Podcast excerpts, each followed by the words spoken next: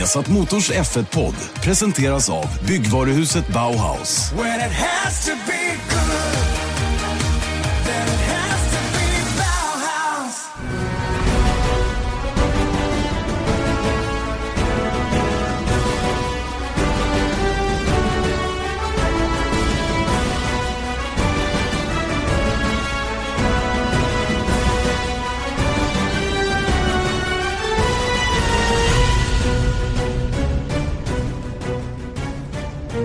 Viasat Motors Formel 1-podd hälsar välkommen till ett nytt härligt avsnitt av den här Formel 1-podden som blir mer och mer populär för varje vecka. Jättekul tycker jag. Hej Erik Stenborg.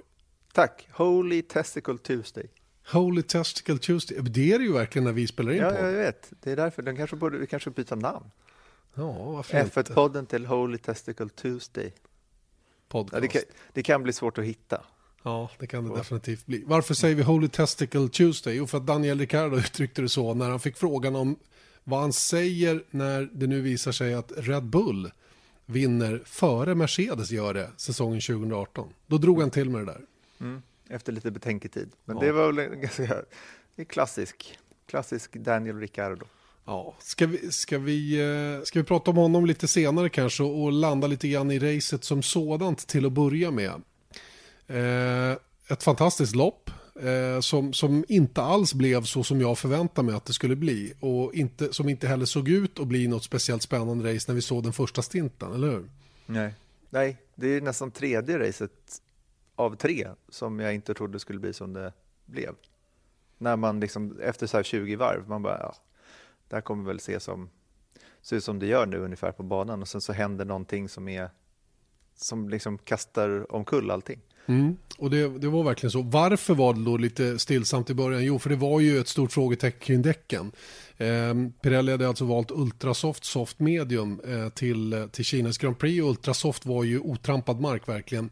Eh, rent generellt alltså mjukare däck i år jämfört med förra året vilket betydde att eh, mediumdäcket i år motsvarade soft förra året.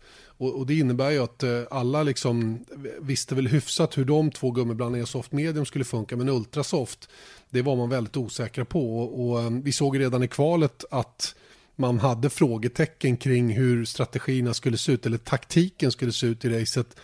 Eh, de, de fyra första valde ju att eh, kvala till exempel i Q2 då på soft för att ha ett öppnare fönster depåmässigt i racet. Och trots en lite hårdare gummiblandning jämfört med till exempel Red Bull då, som gick den andra vägen att starta på Ultrasoft så blev det väldigt avvaktande inledning på loppet. Mm. Och det blir ju ofta så. Jag tycker det var så kul nu att det här var ju första racet någonsin då som vi hade de här tre eh, däcksgummiblandningarna och sen så hade vi hoppat över Supersoft. Så att det var liksom inte linjära val, vilket jag tyckte blev väldigt, väldigt eh, kul alltså. Mm. Och det måste jag säga om, om Pirelli rent generellt i år, att de har varit spot on när det gäller däcken. Jag vet att eh, det, det har muttrats lite grann när helgerna startat om ah, de är lite för hårda däck och de har varit lite för konservativa. Och jag menar, jag och Björn Wirdheim tyckte det i Australien, jag vet att Marcus Eriksson har haft de synpunkterna, men en insight, eller om vi nu tittar på hur, hur saker och ting har blivit så, så måste man ju ändå säga att de har legat rätt så rätt faktiskt med, med eh, sina däckval och eh, det har skapat oerhört bra racing, inte bara tack vare Pirelli, men, men väldigt mycket tack vare hur däcken fungerar. Mm. Sen så hade de kunnat gå lite mjukare tycker jag i Australien i alla fall, för det, hade inte, det var inte det som gjorde att racet blev så bra. Jag tror att det hade kunnat bli ännu stökigare med lite mjukare däck där. Ja, det håller jag helt och fullt med om. Och eh, ja, inte vet jag om de är lite extra försiktiga då bara för att det är premiärrace och sådana saker. Och det, det, återigen, vi är ju ett, ett snäpp mjukare trots samma färg på däcken i år jämfört med förra året. Så att det var ett aggressivare däckval trots allt.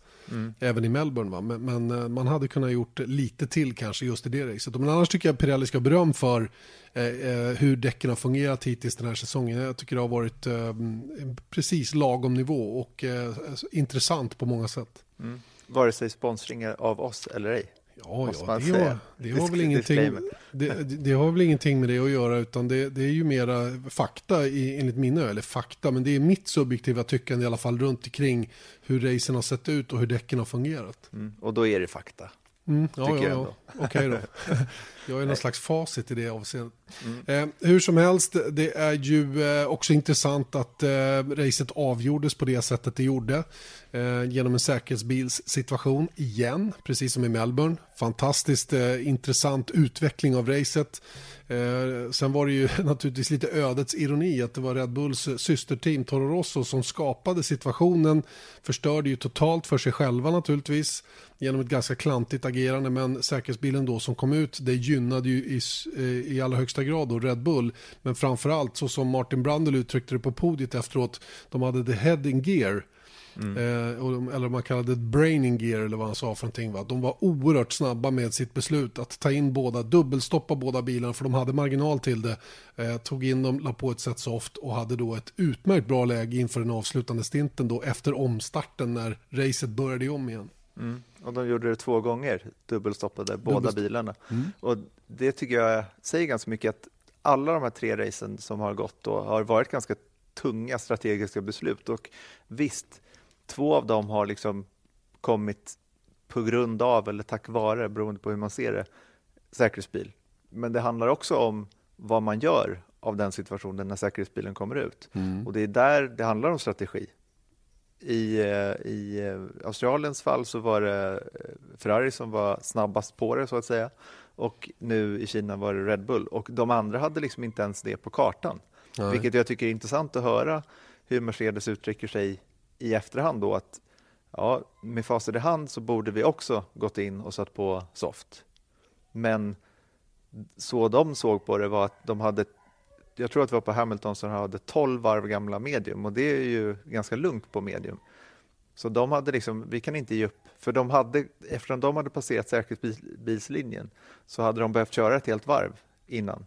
Och då hade de tappat banpres- banposition till Red Bull och det var det de inte ville göra, för de trodde inte, till och med nu, här är slutfasen av racet på söndagen, till och med då har de inte tillräckligt med förståelse för vad softdäcken kom, kan göra eller kan ge dem. Så de väljer att inte ta det beslutet och, och så blev det som det blev. Vilket då gjorde det här till ett, ja, det bästa kinesiska GPet någonsin tycker jag. Mm. Åtminstone hittills, det kan ju komma fler. Ja, men någonsin av de som har varit.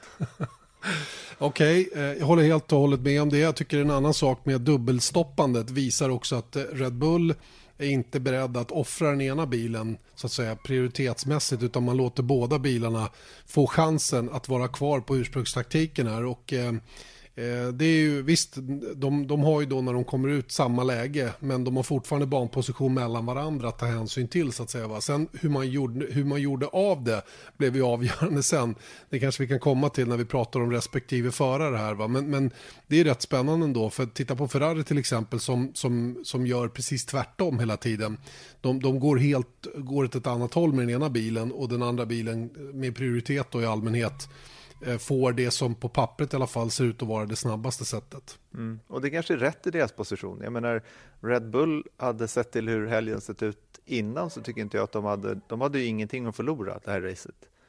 Så att de var ju på attack från början, de förstod ju det, antar jag, att ska vi ha en chans här, eller ska vi ge oss själva en chans så måste vi vara aggressiva och ju mer aggressiv man är desto mer fel kan det ju gå också.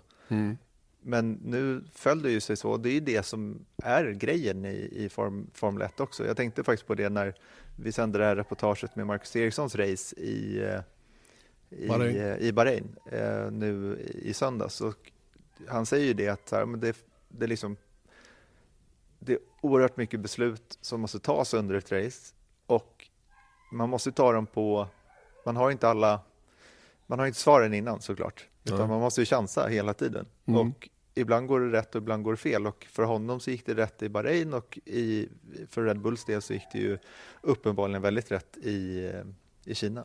Man måste vara flexibel kort och gott. Du, är det okej om jag går ner och klappar min hund? Så kommer jag tillbaka strax. Gör det? Jag är tillbaka igen. Min, min eh, italian, Bracco Italiano heter han, hundsorten. Han heter Enzo. Han var jätteledsen för han får inte vara med här uppe. Men nu får han vara med här uppe. Så kanske vi får lite lugn och ro. Eller? Kanske inte. Nej, det är han som åt upp eh, alla era laddare i huset tidigare. Ja, just det, just det. Men eh, jag tog ett strategiskt beslut nu och eh, öppnade upp. Mm. Och vi har inte svaret nu innan nu, nu när det tog beslutet så får Nej. vi se vad som händer. det får vi definitivt göra. Det här är Vad- så coolt med podden, alltså, vi ger så himla tydliga liksom, lärande exempel under tiden också. Exakt. Var Så var vi någonstans? Jo, vi pratade om strategier och att Red Bull eh, gjorde väldigt bra ifrån sig. Men en annan grej som jag tyckte var ganska kul och när jag såg sändningen då med, med dig och Eje att, och, och jag kände samma sak, så ingen blame on you. Men när eh, Vettel var i ledningen Mm. och Bottas eh, pushar på lite och sen går han lite på och kommer ut Före. fram före Vettel. Och det var så här, nej men vänta, Vad hände där? ni, ni var ju mållösa i Ja, sändning jag, faktiskt. jag fattade ingenting. För då när jag såg, såg bilden så, så jag såg det ju tydligt att det var ju, han skulle ju klara det där med marginal. Men gärna registrera liksom inte. För det, jag hade inte programmerat mig för att förstå att det där ens var möjligt. Han hade ju ändå tre sekunder när det påstoppen började. Men han tog alltså två sekunder bara på utvarvet. Gentemot Vettel. Eh, på sitt utvarv. Så han gjorde ett fantastiskt utvarv. Nummer ett. Och eh, säkert ett lite bättre invarv också då. Som gjorde att han plockade hela det där och var 7-8 tiondelar framför då. När Vettel var klar med sitt påstopp. Och i det läget så trodde jag ju att allting var klart. Då hade han vänt på steken. Och eh, jag trodde det var små möjligheter för, för någonting mer att hända i racet så att säga. Så som det såg ut. Mm. Det blev lite software problems i din hjärna helt enkelt. Det skulle man lätt kunna säga. Jag får ändra mina algoritmer i fortsättningen. Mm. Nej, men det, det här betyder ju ändå, tycker jag, att när det blir sådana här race, att det är liksom rävspel och lite sådär, ja men man måste liksom tänka strategiskt och man måste få det rätt för att kunna vinna. Det betyder ju att det är så sjukt jämnt och nu har vi ju faktiskt sett till, i varje fall de första tre, så har vi ju tre topp, de tre toppteamen är ju med där uppe. Sen så ser väl kanske Ferrari bäst ut eh, Eh, och Red Bull ser kanske sämst ut rent på papper fortfarande, men de är i alla fall med. Och jag tycker att det är helt sjukt att tänka sig att Merca inte har vunnit än i år. Nej, det har de faktiskt inte. Och eh, det är första gången eh, sen turbo, den nya turboeran då som det händer. Att Mercedes inte vinner ett enda race utav de tre första. Utan har två gått till Ferrari och ett nu då till Red Bull. Mm. Eh, det finns ju andra saker som är, som är, som är anmärkningsvärda med, med den här vändningen också från Red Bulls sida. Det är ju liksom vägen fram till den här segern för Daniel Ricciardo som, som var helt galen egentligen. Han har ju haft en bedrövlig öppning på året om man ser det i stort. Eh, jag menar, han, han åkte på en dum bestraffning i, i Australien för att ha kört för fort under rödflaggen. Eh, fick ju då en klart sämre startposition, lyckades ju vända om det till en fjärde plats i mål, vilket var bra.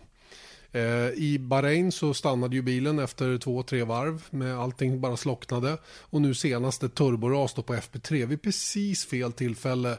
Eh, man lyckades med, med små, lite marginal då få ut bilen i Q1 och han lyckades ta sig hela vägen till Q3 där han dock var långsammast av de sex toppförarna så att säga då. Och ändå går han och vinner racet. Och, och jag måste säga att det är, det det är remarkabelt verkligen att han, eh, att han får, får runt det på det viset. Va? Och det Ricardo är nog fältets starkaste racer. Hans, hans så kallade racecraft som det heter på engelska då, eller förmåga att tävla så att säga med de förutsättningar han har, den, den överstiger allas tycker jag, även Hamilton och Vettel. Eh, jag tycker inte någon, av, någon annan än Ricardo har den här riktigt, riktigt höga nivån när det gäller att omsätta lägen som han får. Vi har ju sett Hamilton och Vettel göra magiska uppkörningar tidigare. Va? Men, men då har det oftast handlat oerhört mycket om att öv, överlägset material i det läget. Då. Eh, Ricardo hade ju inte överlägset material igår. Han startade sex, han lyckades ändå vinna. Han skaffade sig förutsättningar då han var överlägsen under loppet med hjälp av teamet givetvis. Och han framförallt förvaltade situationen på ett utmärkt bra sätt. Och ja, det, här var, det här var faktiskt en... en han, han är värd all den, eh, alla dessa superlativer som han har fått. Mm, det tycker jag också. Och jag tycker det finns två grejer att säga om hans racecraft som, som det har talats mycket om. Och det är ju dels, han har vunnit sex race nu va? Mm. Och aldrig startat innanför topp tre. Nej. Och det säger också någonting om hans förmåga att ta sig upp såklart. Men kanske också att där det kanske haltar lite grann är i kvalen. Exakt. Och det skulle vara väldigt kul att se då att om han börjar slå Verstappen, Verstappen brukar ju vara starkast i kvalen generellt sett. Om han sätter sig i de lägena och kanske ännu bättre, liksom kanske tvåa, trea, vad händer då? Mm. Ja, nej, ja, det vågar man nästan inte fundera över för då skulle han kunna bli osedvanligt överlägsen. Sen, Mm. Och sen, sen, är, så, sen så är han ju väldigt intressant då, apropå racecraften igen då, när han har personen han har bre- bredvid sig som är så pass aggressiv och har någonting helt annorlunda. Nu, nu har han fått väldigt mycket kritik för Stappen alltså, för hans säsong hittills, vilket jag tycker att han gott och väl kan ha. Det finns ingenting att snacka om där. Sen så har han varit, det här, de här tidiga åren som han har kört, så har han varit otroligt hyllad. Kanske också eh, med rätta för sättet han kör och ja, men det är spektakulärt i minsta fall. mm. Eh, och nu börjar det gå lite åt andra hållet. Ja, alltså hela hans sätt, hela hans mindset när det gäller att köra börjar jobba emot honom istället för med honom. Och med honom jobbade det ju i början. Då kunde han göra dykningar in i kurvorna som, som, som ingen riktigt var beredd på och det slutade, slutade väl många gånger. Va? Nu är ju alla med på hur han kör. Och vad händer då? Då, är det liksom, då blir det incidenter och vi pratar tiondels beslut här eh, när man ska göra dyk eller, eller inte. Det är klart att även Max Verstappen har ju ett självförtroende som måste vara högt för att han ska hans aggressivitet. Jag tror att, um, att vara aggressiv, det sitter i ryggmärgen. Men när, när han ska göra saker och ting, det är ju det är en fråga om timing. Jag gör, drar gärna liknelsen med, med slalomåkare eller någonting sånt där som ska sätta svängen exakt rätt för att få med sig farten och, och slå de övriga. Va? Eh, sätter man svängen en tiondel för sent, ja då, då stannar man upp istället. Eller, eller, eh, eller gränslar en port eller vad det nu än är. Och det är så oerhört små marginaler. Och det, är ju, det handlar fortfarande inte om eh, att man slutar att kunna köra racerbil, utan det, det, det är ju liksom den andra delen av det, eh, förmågan att köra fort, som inte funkar just nu för Max Verstappen. Och, och när till och med hans pappa är kritisk, va, då förstår man ju att, eh, att det börjar bli lite, ja, att han inte är riktigt på den platsen han vill vara just nu. Nej. Men det, det är också den där grejen att jag tycker att han, han har varit aggressiv tidigare och då var kanske folk mer överraskade. Det kan vara en del i saken också, men jag tycker mig se, jag har ingen statistik att backa upp det här eller data eller någonting sånt där, men det är just den här grejen att han är fortfarande aggressiv, men han är ju, han väljer ju helt fel tillfällen. Och det, Exakt. det, det är där jag menar med, liksom, han var så, menar, han var ju före Ricardo Mm. och hade sån, han hade ju bättre speed egentligen än Ricardo i det läget av racet och väljer då att göra dels den här grejen på Hamilton, eh, vilket var så här, det, det, det går Dum. inte att köra om där. Nej men det var dumdristigt. Ja, Punkt varför? slut. Varför?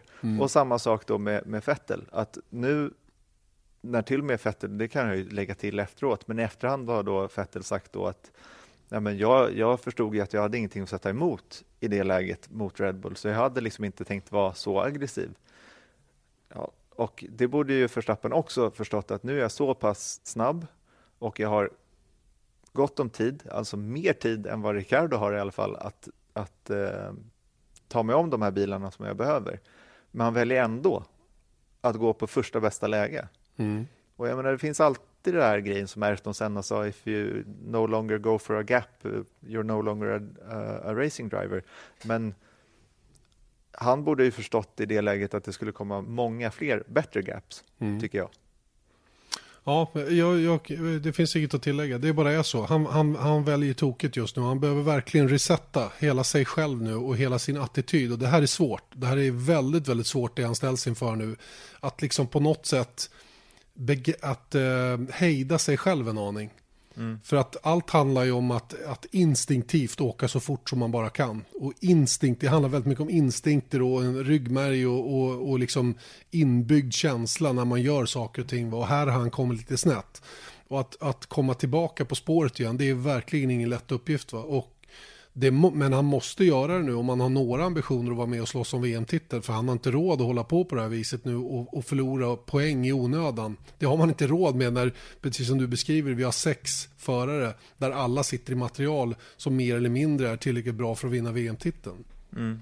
Och jag tycker att det är ganska intressant det här, för att jag tror att instinkt, det var Eje som sa det här för många år sedan, att det värsta som händ, kan hända en racerförare, en Formel 1-förare kanske i synnerhet, just på grund av att man måste ta sådana här beslut eh, av instinkt, det är just när man börjar tvivla på sin egen instinkt. Och eh, jag, kommer ihåg nu när det här var, det var ju någon gång som Romain Grosjean hade jätte vet, det var 2012 när han dels hade gjort den här startkraschen på spa med Alonso och bara plöjt rakt igenom och sen fortsatte det bara där under hela hösten. Och han fick ju så sjukt mycket kritik för det så han började säkert tvivla på sig själv och då minns jag en i starten på Suzuka 2012 Mm. då, då har han Webber nära sig, och jag kommer inte ihåg exakt skeendet, men då är det liksom, man ser ganska tydligt att han försöker desperat inte vara i vägen. Och därför går han inte på sin in, instinkt. Och då strular han till ännu mer, så att han vänder runt Webber då istället. Mm. Och det finns ju ännu fler exempel på när vi träffade Bottas förra året, när han hade en kämpig höst, så säger han också att jag måste köra bilen på ett annat körsätt som jag är bekväm med. Det kommer inte instinktivt för mig att köra bilen som jag behöver göra. Nej. Och det är jättesvårt att övervinna. Så att eh, det är väl kanske en sanning vad gäller Verstappen då.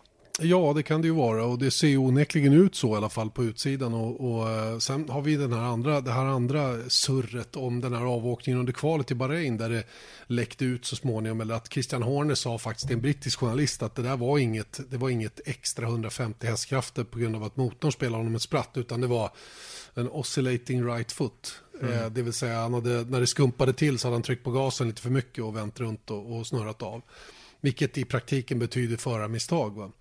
Eh, och sen så blir det då, eh, blir ju Helmut Marko tjurig över det här och liksom snackar med, med, med, Mark, eller med, eh, med Horner som får sen då gå ut i holländsk tv var det faktiskt en intervju som jag såg. Där han säger då att eh, nej, nej, nej, men det var inte så jag menar. Det, var, det är så här med de här grejerna att när jag säger någonting så blir det konstiga översättningar. Lite, han menar på att det var lite viskleken. Va? Att eh, hans, det han sa från början blev i slutändan någonting helt annat när det kom ut. Men det stämmer alltså inte för han sa det till en kille som mycket väl förstår vad han säger. Eh, och de var inte bästa kompisar kan jag säga eh, efter det här. Eh, och, och ehm, jag tror att det var ett, eh, jag tror att det var viktigt för Marco att han ville, ville liksom påtala att eh, Verstappen inte hade gjort något fel, det var Renaults fel. För att det är ju viktigt rent allmänt också när det gäller Eh, när det gäller relationen med Renault just nu, att sätta press på Renault. De är ju inte alls nöjda med, med den performance som, som Renault har för närvarande. Va? Så att det, det kanske är någon politik i det där, inte vet jag. Men det, det visar ju också hur komplicerat det är runt Max Verstappen rent allmänt. Eh, just nu då, när det ser ut som det gör. Mm.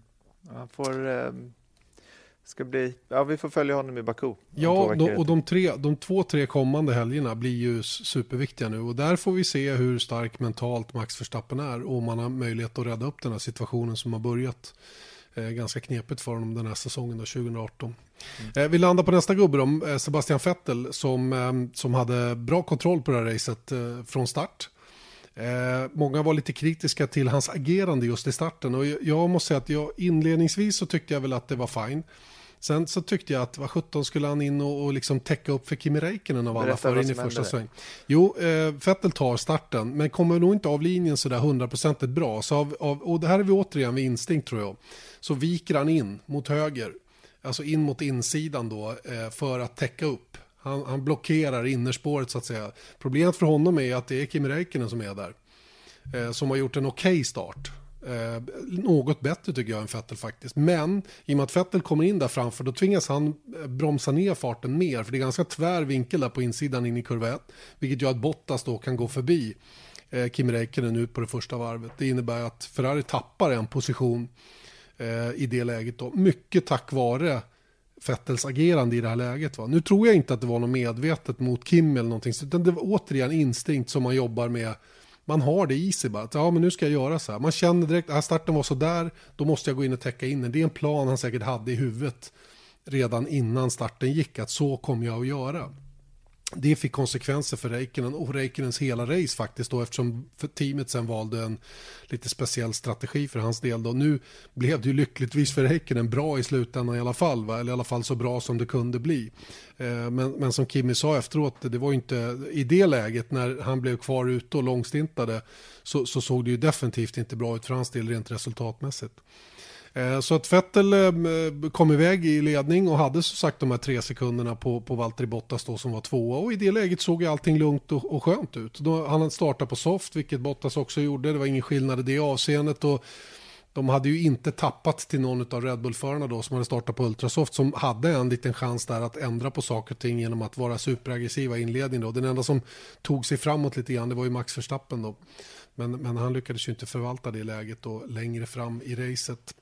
Så att eh, det var en, eh, ja, jag, måste säga att jag, kommer tillbaka till förvåningen när, när Vettel inte hade speed. För en gångs skull så var han inte sådär hundraprocentig både när det gäller invarv och utvarv. Eh, men framförallt invarv då och varvet efter det att Bottas hade varit inne.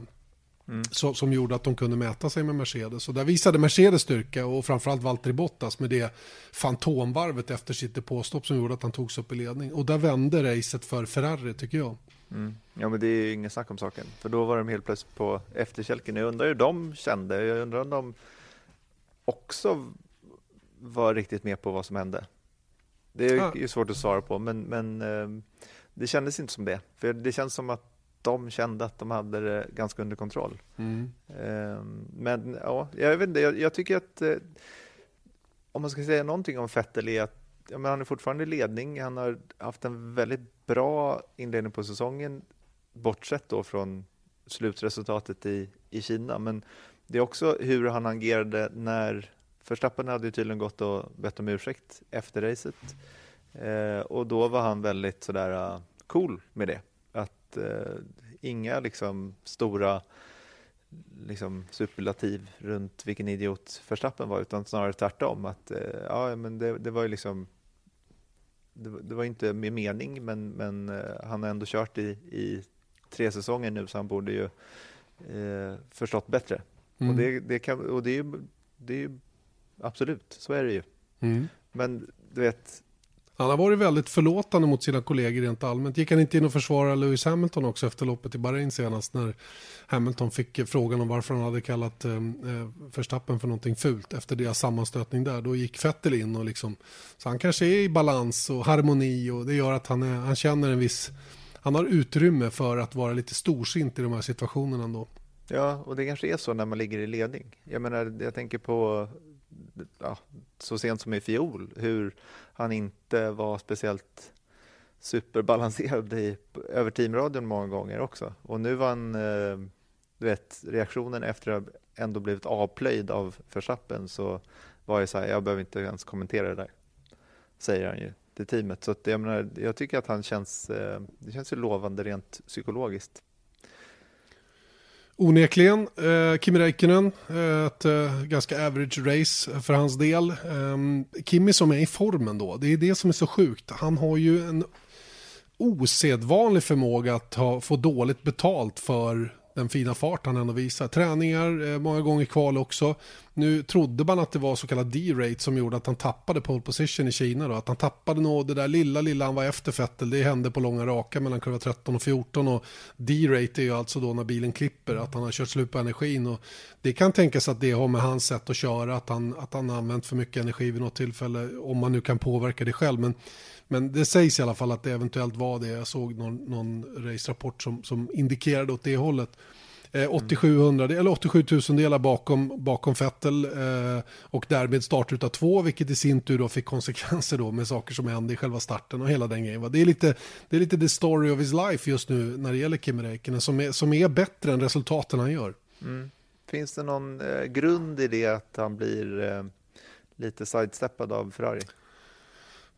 Ja, det är ju jättesvårt. Jag har ju länge hävdat att det inte gör det. Däremot så är jag ju medveten om hur Ferrari tänker och jobbar många gånger. Va? Att de, de, de, vi, hallå, vi är framme i tredje, säsongens tredje race. Inte ska man behöva välja bort Kimi Räikkönen i det läget. Va? Och redan innan var det flera som antydde till mig att ja, men Vettel, eh, Vettel, eller Kimi får inte vinna över Vettel. Och jag säger det är klart att han får det, men han måste göra det också. Och, och det är ju lättare sagt än gjort givetvis att slå en teamkamrat då i lika bra material som man själv har. Va? Men, men det, jag tyckte att för första gången så tyckte jag nog att Ferrari använde Kimi Räikkönen på ett ganska destruktivt sätt. Eh, istället för att maximera Räikkönens resultat när han då helt plötsligt fick ett bättre läge så, så använde man honom för att eh, ge Vettel en chans att komma tillbaka. Och det vet inte jag om, om jag uppskattar så mycket. Jag tycker det är mer fair att de, att de, eh, ja, att de helt enkelt byter fokus när en sån där sak inträffar. Ja, men jag tycker man kan se det på tabellen också. Att, jag menar, Räikkönen har ändå varit, som du säger, han har varit i form. Nu kommer han inte mål i Bahrain, men han har tagit 30 poäng. Så han ligger ju femma i VM, men Ricciardo som haft en skitsäsong.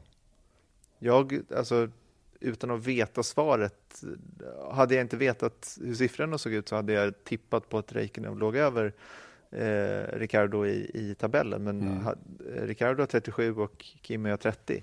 Och där kan man ju se också att om det nu är så att Red Bull är mer eh, jämlika i behandlingen av sina förare, det vet vi inte, men eh, än vad Ferrari är. Ah, fan, jag tycker att det indikerar att, att det är så ändå. Eh, då tycker jag att det är lite synd att de inte, för jag menar Räikkönen hade kunnat vara fyra, trea, Ja, hade, de, ja. hade de jobbat för båda. Visst, visst. Eh, jag menar, Australien så tror jag de jobbade för Kimmy. Det var bara det att Fettels läge Mm. Ja, på sant. ban. Så, så där var det nog mer att liksom Fettel, Fettel att det var egentligen det att han kom iväg så segt som gjorde att, att eh, han lite parodiskt nog får läget att vinna racet istället då för att man chansar åt ett annat håll då. Vilket det är lite, och det indikerar ju också då att, att, ehm, att Ferrari väljer att göra så hela tiden. Så fort att det, det, det stökar lite för den ena, ja då har man en, då har man en plan B som man snabbt går till. Eh, istället för att fortsätta liksom, matcha förarna eh, enligt det som man primärt tycker är det snabbaste sättet att ta sig till målflagg. Mm. Och det säger också någonting om att Mercedes faktiskt är före Ferrari i konstruktörs-VM med Mm. en poäng förvisso. Men Mercedes har inte ens vunnit ett race. Nej, nej, verkligen. Mm. Eh, och det, då landar vi på Lewis Hamilton, eh, den fyrfaldige världsmästaren, den regerande världsmästaren som eh, var i sån fin, fin kvalform i Melbourne, men som eh, tappade segern med lite marginal där eh, och som inte hade någon speed, eh, som man är van att se i alla fall i Bahrain. Eh, och eh, nu senast så, så var han också ute och, och, och simmade med setupen på bilen. Jag tycker inte han fick till det någonting egentligen. Ehm, man såg honom på FP3 till exempel, hade jätteproblem med att hitta balans i bilen och det här, den här, ehm, vad ska vi kalla det för, ehm, ambivalensen om hur man skulle göra med bilen, sätta upp den för kval mera tydligt eller sikta mot racet lite mer. Man valde att sikta på racet och det gav fjärde startposition, tappad startposition i, i, i, eller tappad position i starten och sen inte fart att göra någonting åt det egentligen. Va? Att, att han blev fyra nu Hamilton här, det, det är ju lite tursamt egentligen med tanke på vad som hände med Vettel och Verstappen och hela den grejen. Så att det var en tuff helg rent allmänt för Lewis Hamilton, vilket han också medgav att det här var inte alls den nivå som, som jag vill vara på överhuvudtaget. Jag måste verkligen på min sida av garaget börja sätta mig ner och fundera på vad de kan göra annorlunda. Mm. Och man ser ju det, han har ju sådana där helger ibland, eh, några gånger om året, men jag tror att man kan, ja, på ett sätt så, här, så hoppas jag ändå att Mercedes vinner några race snart, bara för att visa att de kan. Så att de Mercedes inte menar du? Ja, jag menar det. Mm. Vad sa jag för någonting? Ferrari. Ferrari. Eh, jo men exakt, för att visa att dels att de kan och att han är med i matchen på något sätt. För att jag trodde liksom att Vettels seger i, i Australien var, ja, men det var ju tur. Och det var ju tur också att Hamilton inte fick speciellt mycket poäng med sig därifrån för att han kommer ändå vara starkast sett till helheten över, över säsongen. Men nu när, när det har gått tre race och man ser dessutom hans speed i Kina så börjar man undra lite. Det är ju å andra sidan, Bottas har ju varit med där uppe hela tiden så att Mm. ehm, man behöver nog inte oroa sig för Mercedes men det är ju kul om de är med mer på allvar också. Jag, jag tror att de själva är oroade faktiskt över att ha tappat, liksom, tappat kommandot som de faktiskt har haft ändå de senaste åren och de är inte alls, eh, inte alls självklart team nummer ett längre och eh, det, det, de har lite att fundera på. Det ska bli spännande att se nu när de blir satta under press här hur, hur teamet kan agera med utvecklingen av bilen. Tvingas de ta chansartade beslut med vad de ska göra med, sätta, eller med, med eh, nya grejer på bilen och sådana saker. Eller kan de följa den plan man har haft hela tiden? För det, är ju, det ska ju ställas i relation till, till allt annat som sker. Hur, vad gör Ferrari? Hur snabba blir de framöver? Och, och Red Bull likadant. Va? Som, som också säkert har lite i bakfickan och plocka upp när, när det ska dra ihop sig. Men hur man än ser på det så har vi tre väldigt jämna team just nu. De är lite ojämna på lördagarna, lite ojämnare på lördagarna men otroligt jämna på söndagarna. Eh, Och innan vi släpper de här sex första förarna, Valtteri Bottas då slut, slutligen då, som, som eh, ja, han, han, eh, han gjorde ett jäkla bra race. Fick högt betyg för sin insats senast då, och var den klart starkare utav Mercedes-förarna senast där. Och hade inte säkerhetsbilen kommit ut, vilket han själv sa efter målgång, vi hade en ruggig otur med säkerhetsbilen, då hade han förmodligen vunnit Kinas Grand Prix. Va? Så att, eh, och då hade vi kanske pratat helt annorlunda och sagt att ah, kul, Mercedes är tillbaka igen, men det är Valtteri Bottas som är den starkaste av dem. Mm. Ja, men verkligen. Men eh, lite längre ner, det som jag tycker är nästan det mest intressanta som jag satt och tänkte på i söndags är vad är det som pågår i mittfältet? Just att det här tycker jag är så kul också. Det är liksom upp och nedvända världen att Toro Rosso som är fyra genom Pierre Gasly i, i Bahrain och är liksom starka, det var klart best of the rest, är ingenstans i Kina. I praktiken i alla fall. Sen så samma sak med Sauber. Det är ju tråkigt med svenska ögon, men eh, kör ett urstarkt race, tar poäng i Bahrain. En vecka senare ja, skrapar till sig en, en 16 plats.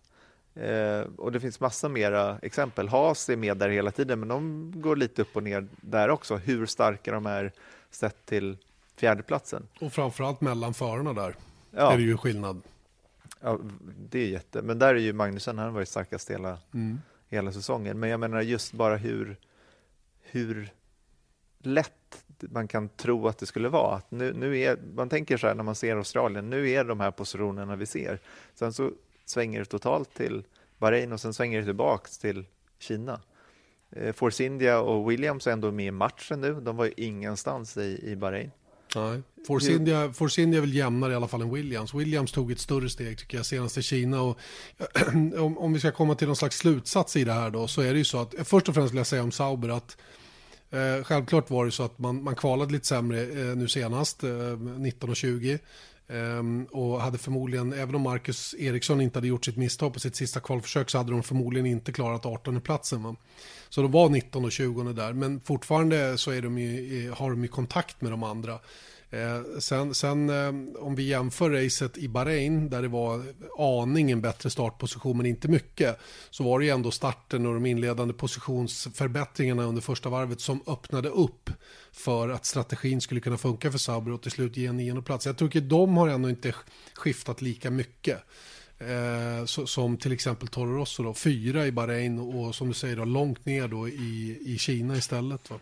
Men, Men, ja, men det, det, är ändå, det, det finns ju ändå någonting där att där, om man tittar på det som Marcus Eriksson själv beskrev sin första stint, han kom liksom inte in i rytmen, han fick inte det att funka. Jag menar, i Bahrain så var det ändå pum, och så var han där. Mm. Och kunde hänga med och kunde fightas. Undrar hur det Eh. hade blivit om man hade klarat att hålla 14 platsen eller vad det nu var som man var uppe på under första varvet och eh, liksom kunna byggt racet ifrån den positionen, vad det hade kunnat leda till. Eh, Ja, någon plats bättre tror jag faktiskt att det hade kunnat blivit. Mm. Men poäng var ju uteslutet och det Ja. var ju mycket, mycket för tack vare då att eh, Kimi bröt och båda Red Bull-förarna bröt och det, det var ganska stort manfall i, i, åtminstone i jämförelse med Kina där det bara var en som bröt. Just. Eh, Men, men eh, återigen, slutsatsen i, i hela det, det här surret om mittfältet är ju att det är fantastiskt jämnt och dagsformen avgör. Det är väldigt banspecifikt vilka som är starka på vilka banor och det är karaktären i bilarna som styr det här väldigt mycket. Då. Oj, nu är det lite surr här ute. Ja, ja, men det ordnar sig. Eh, jo, det är banspecifikt och karaktären i bilarna som styr om man är med eller inte med under vissa helger. Och där är precis som du är inne på, då, där är Haas, eller Haas, det kanske, eh, det kanske jämnaste teamet utav dem där framme då. Sen, sen har vi ju inte räknat med nu McLaren och Renault i, i mittfältet här nu då, även om de tillhör det tycker jag. Va? Men, men där har vi ju på förhand sagt att de ska ju vara team nummer, nummer um, eh, fyra och fem. Eh, och det tycker jag att de befäster vi ser det i konstruktörs-VM, vi ser det på banan. Nico Hülkenberg och Carlos Sainz på poängplats senast. Nu, nu var inte van Dorn lika stark som Alonso, men Alonso är ju oerhört, oerhört bra med hela tiden. Så de är kanske en nivå bättre då än resten av mittfältet på det sättet. Men det hade sett väldigt annorlunda ut om hade Haas fått med sig 22 poäng i Australien. Då hade de varit före, då hade de varit fyra. Jag är, jag är faktiskt eh, lite, eh, jag är lite, eh, mm, eh, ska jag inte säga, jag är förvånad över hur lite betalt de har fått för den här fina bilen. Alltså en poäng i Kina var inte mycket att hänga i julgranen ärligt talat. Nej. Trots, trots, eh, trots att Magnusson gör bra race, bara en poäng med sig. Och det, det är lite mager, mager utdelning faktiskt, för de har, ett, eh, de har ett paket som är värt mera, uppfattar jag det som. Men det är ju det när man bara har en bil också som är med där framme, då blir det inte heller lätt att ta de riktigt stora poängen till teamet. Nej. Men då är det ändå, sett till vad Hylkenberg gjort då, han gjorde en jättefin insats i, i söndags då, och Sainz som man har ändå sett som något slags underbarn ändå. Han har bara fått tre poäng på hela säsongen medan jag tror att Hylkenberg har 26. Om jag inte minns fel. Vi kollar snabbt, jag har allting här. Så. 22 har han. Hülkenberg har 22, är lika många som Fernando Alonso. De är faktiskt före Max Verstappen då, som bara har 18. Mm. Eh, Kevin då är den som har tagit poängen för Haas, han är ju på 11 poäng totalt. Mm. Leclerc, ska vi ja. prata lite om honom? Han har det lite tufft ändå. Ja, det får man väl ändå säga. Jag har döpt honom till Ferraris The Next One. Och eh, det får man väl, det är, det är ju det är ett epitet som man kan kalla honom. Men, men, eller som man kan ge honom. Men, men eh, oavsett det så är han ju en, en supertalang då. Vann F2, gick rakt igenom hela det och kom in i Sauber och förväntades ju eh, göra slarvsylt av Marcus Eriksson. Har ju inte alls eh, lyckats med just den delen. Eh, Han är fortfarande en väldigt snabb förare. Va? Men, men det är, ju, det är ju helt uppenbart att eh, kunskapsluckorna finns Eh, när det gäller att köra Formel 1-bil i alla fall. Och eh, det har vi sett resultatet av hittills, eh, hittills den här säsongen. Han hade ju faktiskt ett, ett för det är ju så att han, han behöver ju desperat slå Marcus Eriksson i år. Det är verkligen så. Hans karriär hänger oerhört mycket på det. Och det syns på hela hans aktion. Va? Att han, han är super, super angelägen om att, att vara före. Och lyckades med det i kvalet. Bra gjort. Eh, Men, men i racet då, när han har det läget under kontroll så, så blir han lite för girig och, och tar i för mycket in i kurvett, snurrar av, tappar allt egentligen och får sen stryk med vad var det, 24 sekunder eller någonting i mål av Marcus Eriksson. Då. Och det är ju liksom, det är inga resultat att skriva hem om, verkligen inte. Va? Och Ferrari som, som supportar den här killen, va? De, de, eh, de sätter hård press på honom. Pressen är hård. Mm. Väldigt, väldigt eh, hård på, på Charles Leclerc och eh, det är inte helt lätt att, att leverera under de förutsättningarna. Nej, men framförallt tycker jag att snurra under, ja, egentligen utan press, det är inte så bra. Jag menar, det har hänt varenda race i, i olika lägen då, inte alla race då, men, men eh, det, det är på något sätt lite synd, för jag, jag tyckte det lilla jag har träffat honom så, så gillar jag honom som person. Han är oerhört ödmjuk och det tycker jag man märker i sättet han uttalar sig också. Efter, han, han skyller på sig själv, han skyller inte på så mycket annat. Nu kanske han gjorde det i, i Kina då, men, men ehm, ja, jag vet inte. Det, det, det är liksom, man ska inte skriva av honom, absolut Nej, inte. Nej, Jag nej, menar- nej. Men eh, det, det säger någonting ändå om hur svårt det är att komma in i Formel 1 och inte bara komma in i Formel 1 utan i en svår bil i Formel Ja, 1. exakt. Va? Och eh, eh, att, att lägga sig på rätt nivå och inte bli för otålig eller för girig då, eller vad man ska kalla det. Va? Det, det är super, superviktigt om han ska få ihop det här. Och precis som du säger, skriva av, skriva av Charles Leclerc som, som, en, eh, som en förare som, som inte kommer att lyckas. Det är ju bara korkat, för, för han har alla förutsättningar och han är superduktig att köra bil. Det är bara det att, det som Eje brukar säga, han är lite valpig. Eh, och, och, eh, och då är vi tillbaka till det här som vi pratade om Max Verstappen, att ta rätt beslut vid rätt tillfälle och hela den där grejen. Va? De instinktiva reaktionerna som man gör, bedömningarna. Eh, kommer ni ihåg hur Marcus Eriksson beskrev sitt race i Bahrain i det här inslaget, hur han gick in i sig själv och insåg att jag måste vara klinisk nu och, och, och verkligen inte göra ett enda misstag om det här ska gå vägen. Va? Och det är lite det kanske vi, vi, vi inte ser hos Charles Leclerc än så länge. Mm. Mm. Ja, men det ska bli spännande att se vad han, vad han hittar på. Mm. Onekligen Eh, lite nyheter då eh, i, i korta drag. Det har ju varit en hel del incidenter då med depåstopp som inte har fungerat och Fia kommer att eh, vara lite tuffare nu för att komma till rätta med det här med så kallad unsafe release då. Och, eh, eh Charlie White har varit inne på att man ska ha fler sensorer på mutterpistolerna då för att teamen ska vara helt hundra säkra på att hjulet sitter på plats när de sticker iväg. Eh, en som känner av då att hjulet sitter tillräckligt hårt och en annan som känner av då att muttern sitter på gängan på rätt sätt. Eh, och jag tycker vi såg depåstoppen senast i, i, ehm, i Kina att man var noggrannare. Mm. Förutom hos Mac- McLaren då kanske.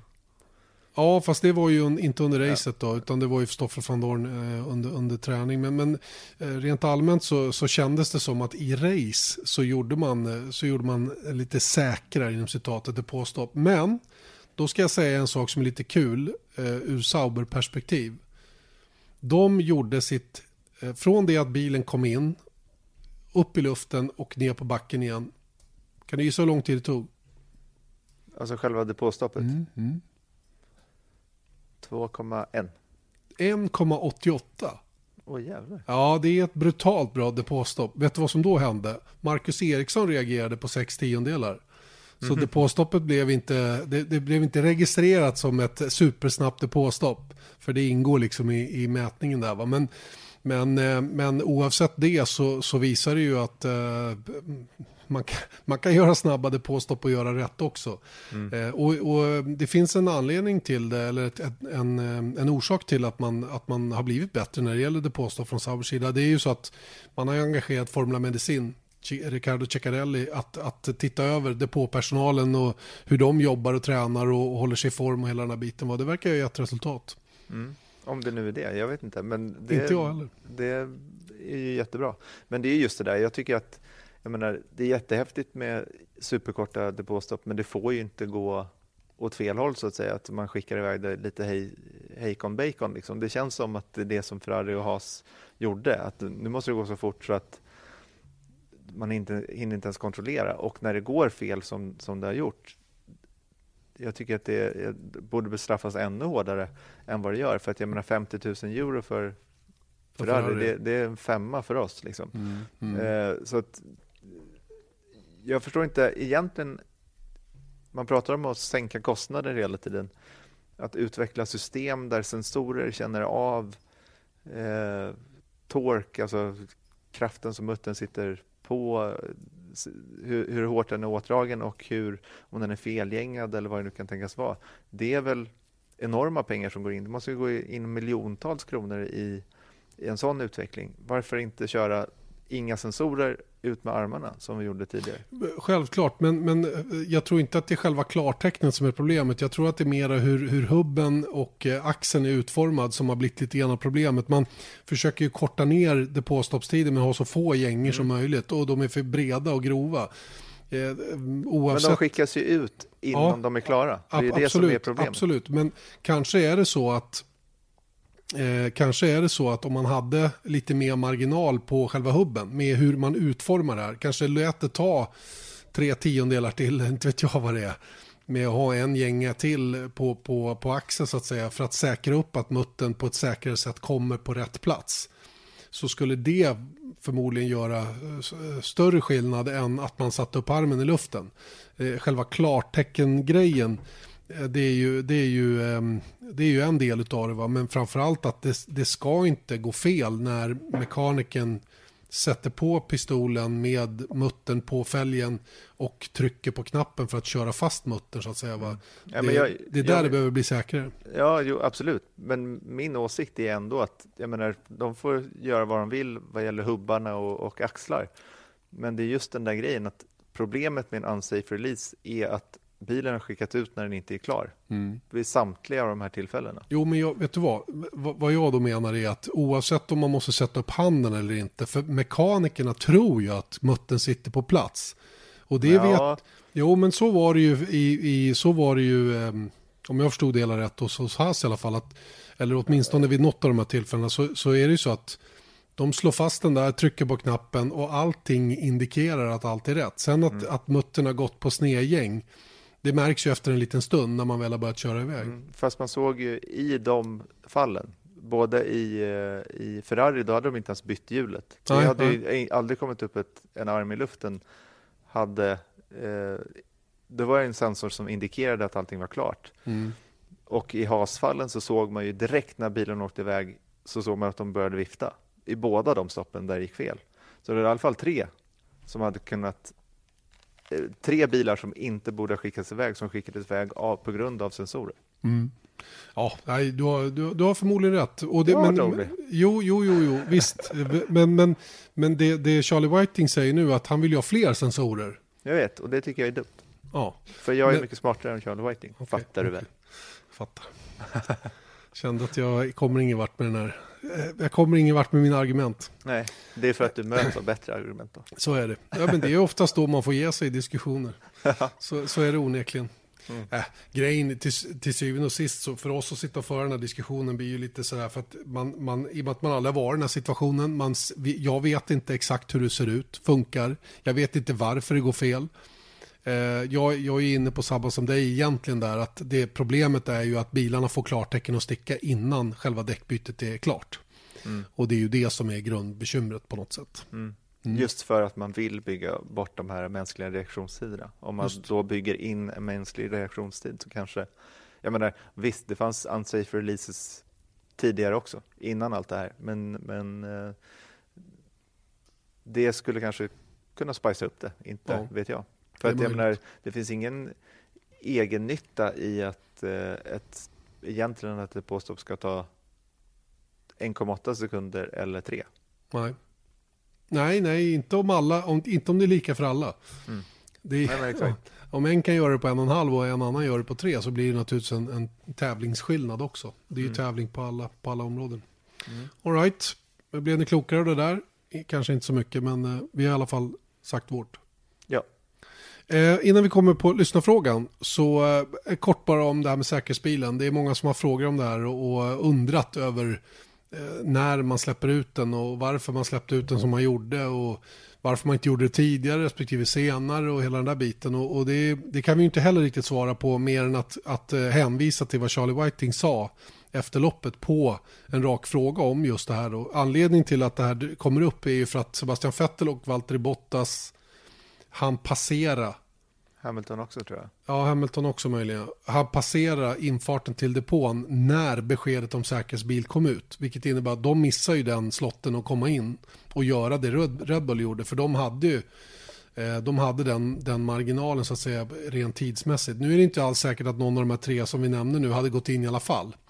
Precis som du var inne på, de, det var inte med på, på banan så att säga, va? Rent, eh, rent strategiskt för deras del. Men, men för Red Bull var det ju det och de fick ju också möjligheten att komma in. Men, men det ska vi vara klara över om vi lyssnar på Charlie Whiting, att de tar inte hänsyn till var ledarbilen är någonstans när de ger besked åt säkerhetsbilen att åka ut. Utan det är ju när man gör bedömningen att säkerhetsbil behövs, då kallas den ut. Sen får det se ut som det gör. Ibland förlorar man på det, ibland vinner man på det. Och eh, visst, vi, vi kan ju sitta och titta på bilderna och vi som, vi som eh, såg att det låg massor med skräp på banan. Men det, kan ju, det är ju lika många gånger som man släpper att det är skräp på banan. Kanske bara har en gul flagg en liten kort stund och någon springer ut och tar bort det och sen är det klart. Va?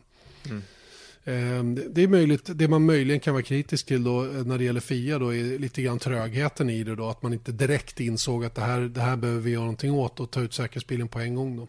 Mm. Men när man väl har tagit beslutet då kan man inte sitta och vänta. Nej, utan då är, det bara, då är det bara ut med bilen för att liksom göra det den ska göra, nämligen att samla ihop fältet och den som förlorar på det förlorar på det, den som vinner på det vinner på det. Sen har ju många uttryckt åsikter om att man kanske skulle ha depån stängd eh, två varv eller ett varv när säkerhetsbilen kommer ut så att ingen kan utnyttja en sån här situation. Eh, det kan man väl ha synpunkter på såklart att eh, ta bort det, det tävlingsmomentet.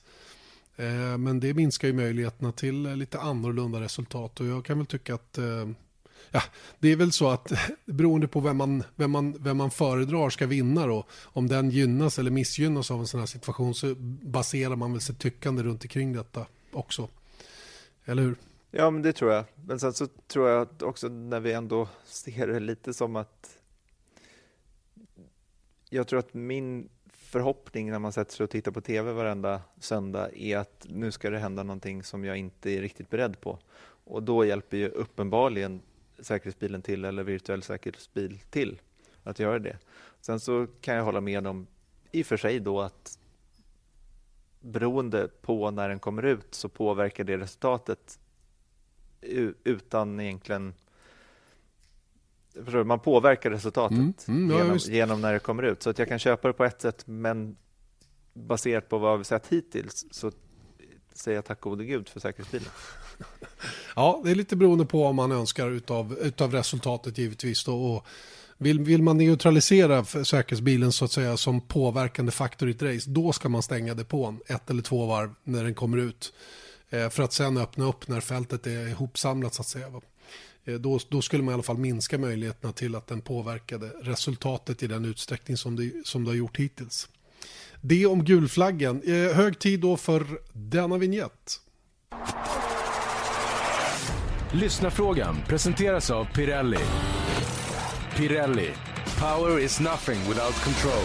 Just det. Lyssnarfrågan alltså presenterad av Pirelli och eh, då är det Peter Eriksson som har en fråga runt omkörningsproblemen som han uppfattar finns i Formel 1 och som många också uppfattar finns i Formel 1. Det talas, ut om att, det talas om att aerodynamiken har skapat ett kraftfält eller force field eh, bakom eh, framförvarande bil då, som gör att det är svårt för bilen att komma tillräckligt nära. Eh, skulle man då inte kunna införa fri DRS-vändning undrar Peter så länge en förare är inom en sekund från en framförvarande. Man skulle då kunna välja själv när man väljer att använda DRS, inte bara i de nu dedikerade DRS-zonerna. Eh, och det här är ju en intressant fråga och eh, för att svara på den så tog vi hjälp av Marcus Eriksson som mitt under Carrera Cup-racet i Bahrain, så ni får ursäkta eller möjligen njuta av bakgrundsljudet, svarade så här. Jag tror det skulle funka. Eh, rent så här, spontant när jag hör eh, frågan så, så tycker jag varför inte. Det skulle kunna eh, göra att det blir lite mer möjligheter att, att attackera och eh, också spela in lite mer taktiskt. Att, eh, du måste kanske välja när vågar jag gå på DRS och när den är i en utgång av en kurva eller genom en kink som är snabb så kanske du vågar du trycka på DRSen redan innan kinken eller väntar du till efter och så vidare. Eh, Eh, så jag tycker det skulle vara någonting som eh, adderar ett, ett intressant element när du ska köra om någon. Så nej, absolut, bra, bra idé. Men det låter ju samtidigt ganska livsfarligt.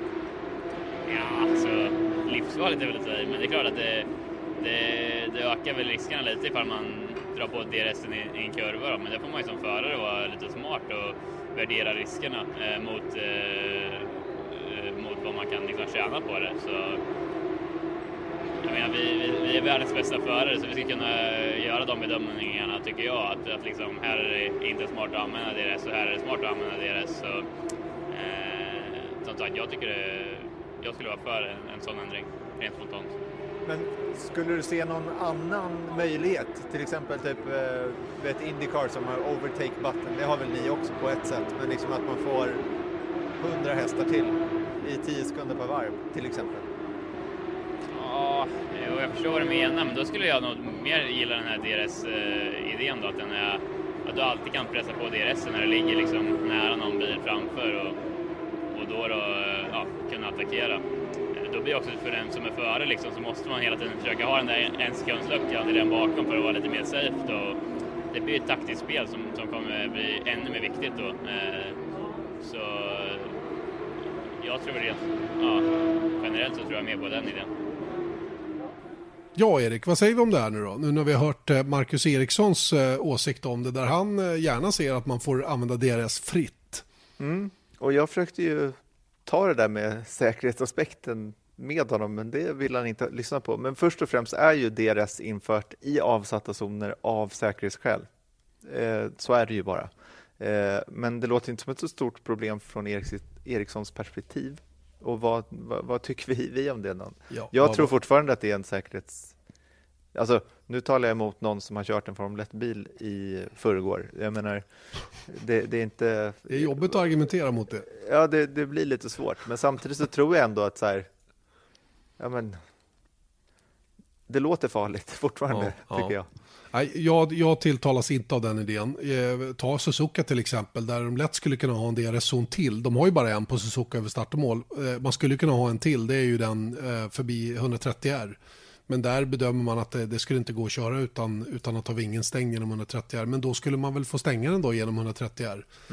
Men, men en DRS-zon är ju utformad så att den ska leda fram till en hård inbromsning. Och, och problemet med typ Suzuka då är att det svänger just innan den här inbromsningschikanen och innan man kommer ut på start och mål. Och, och, och eh, jag tilltalas mer av det som ni berör också då, ett, ett, ett push to pass-system istället. Som, som hade x antal tryck under ett race eller x antal sekunder per varv, eh, alltså som det gamla curse-systemet var.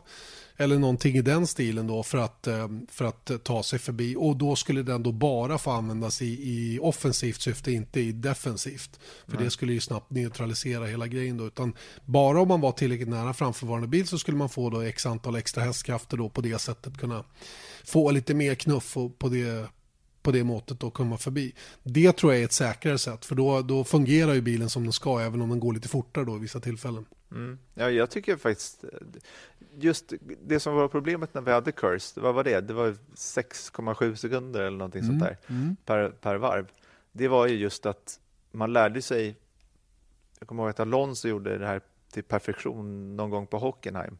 Att han liksom, man såg, det var som att han visste när någon skulle trycka på Curse-systemet bakom så att han kunde liksom bara följa Exakt. med där. Eh, och då, då blev det ju, som du säger, neutraliserat. Men, men det hade varit coolt tycker jag om det var 10 sekunder och nästan mer. Jag menar, för då kanske det inte blir den här, då är du fortfarande beroende av RO-trycket och sånt där, och då, vilket du kan göra på olika sätt. Då.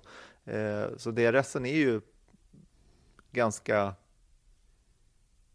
kritiserad kan man Mm. säga, för att vara, vara snällt uttryck. Och jag tror faktiskt att vad gäller jag vet inte om man kan lita på förarna att hålla den stängd när den behövs. Nej. Tänk igenom 130R, att, ja, men nu, för någon, någon gång måste de ju prova.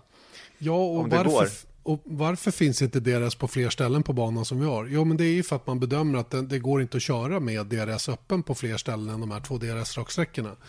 Och, och, och det är ju lite det som är poängen på något sätt. Va? Hade man däremot ett push-to-pass-system då skulle man ju täppa till luckan med hjälp av det på vissa ställen för att sen sätta in attacken då där det går att göra attacken så att säga. Va? Och sådana saker. Jag tror att det skulle, vara ro, det skulle vara roligare för mig att se om vi behöver hjälp med omkörningar. Eh, sen, sen är ju det nästa fråga. Har vi, har vi så stort problem med omkörningar egentligen efter de här tre första racen? Tydlig, tydligen hade vi det efter Melbourne, men sen har det ju varit ganska gott om det tycker jag. Ja, ja och det är faktiskt ganska, det, varför vi tar upp den här frågan nu eh, är ju just för att eh, idag, tisdag när vi spelar in det här, så möts eh, Formula One Strategy Group i Paris för att tala om just omkörningar i Formel 1 eh, med en potentiell då reg- reglementets förändring till 2019. Och bakgrunden är att eh, FIA och FOMs tekniska chef Pat Simmons och teamens tekniska chefer möttes i Bahrain för att tala om en potentiell lösning för att underlätta för bilar att följa varandra. Men hör och häpna, de kunde inte enas i Bahrain.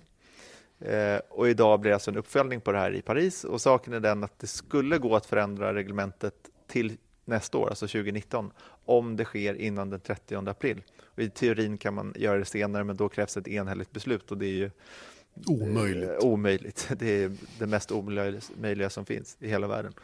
Eh, och Det som föreslagits är att man tar bort ändplattorna som styr luften runt framhjulen. Alltså på framvingen så är det, det kallas washout har jag läst mig till. För då skickar de ut åt sidan och det, den luften hamnar då och blir väldigt turbulent bakom bilen. Vilket gör då att för bilen som följer bakom har eh, tappat downforce helt enkelt och kan inte komma tillräckligt nära. Eh, Man ska också införa ett större vingplan på bakvingen och en kraftfullare DRS som en interimlösning innan 2021. Och då tycker jag inför push to pass istället. Ja. Ta bort DRS helt istället. För jag kan tycka också att så här, jag tycker inte det är något jätteproblem sett i Bahrain och Kina med omkörningar, men det är ju också Alltså, jag jag har personligen inget jätteproblem med DRS, men jag tycker inte att det är något coolt system. Jag tycker inte att det är liksom... Jag, jag, jag har svårt att se att det skulle vara det bästa systemet som går att ha. För att man ser även i Kina längs den långa rakan att ibland så blir det liksom sådär att man kommer nära och kan bromsa sig förbi. Men ibland så kommer man inte ens nära eller så är man så himla mycket snabbare så att man bara swishar förbi innan kurvan.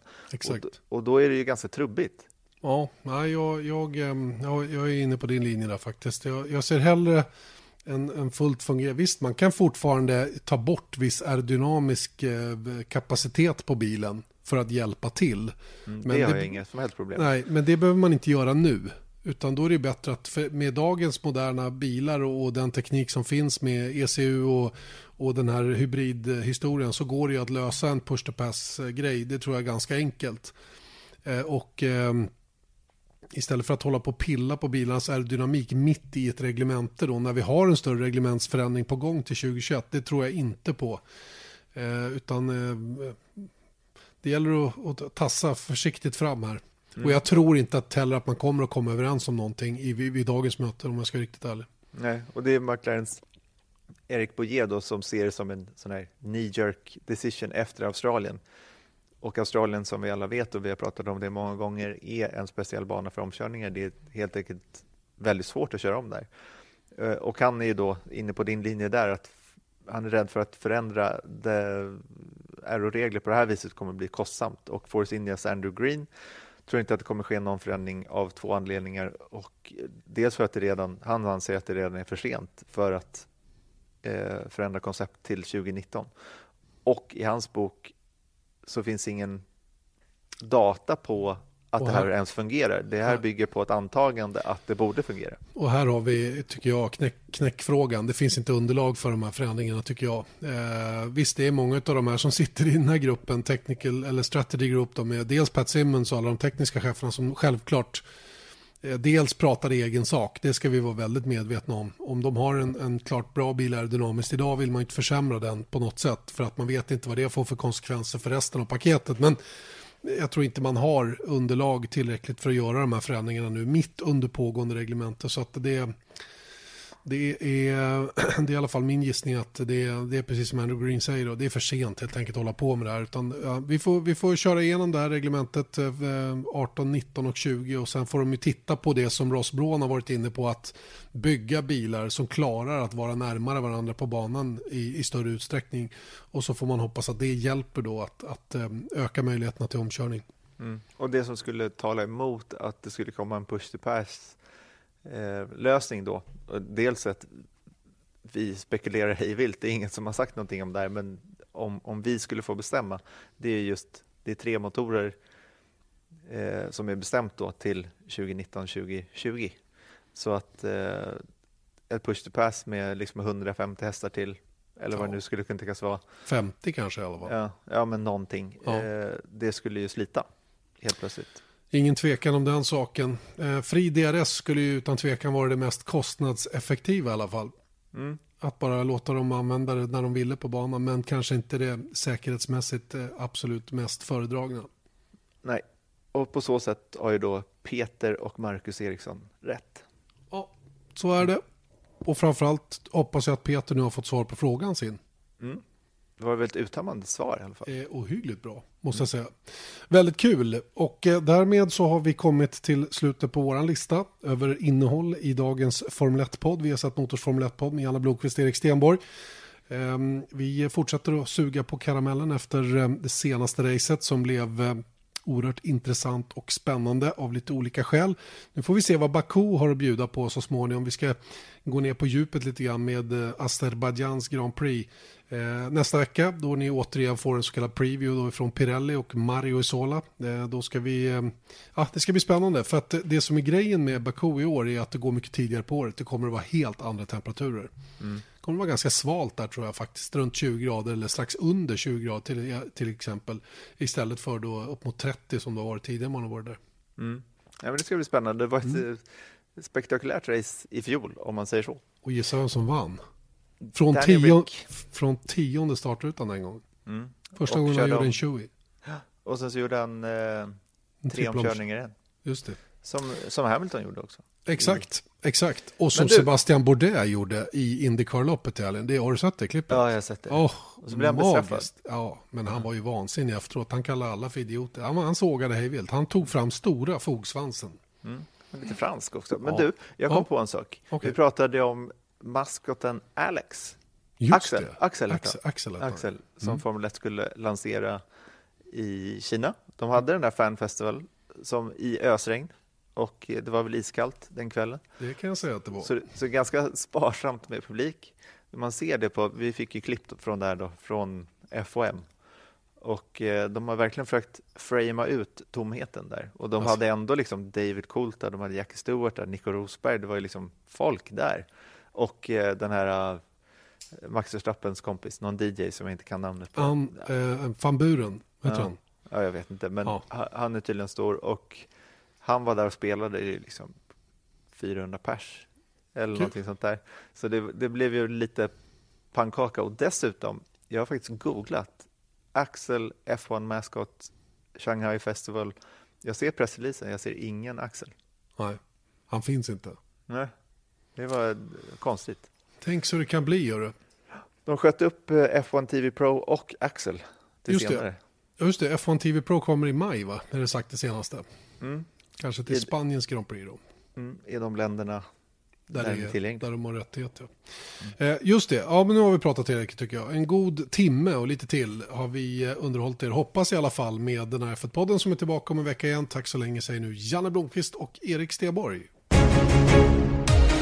Vesat Motors F1-podd presenterades av byggvaruhuset Bauhaus.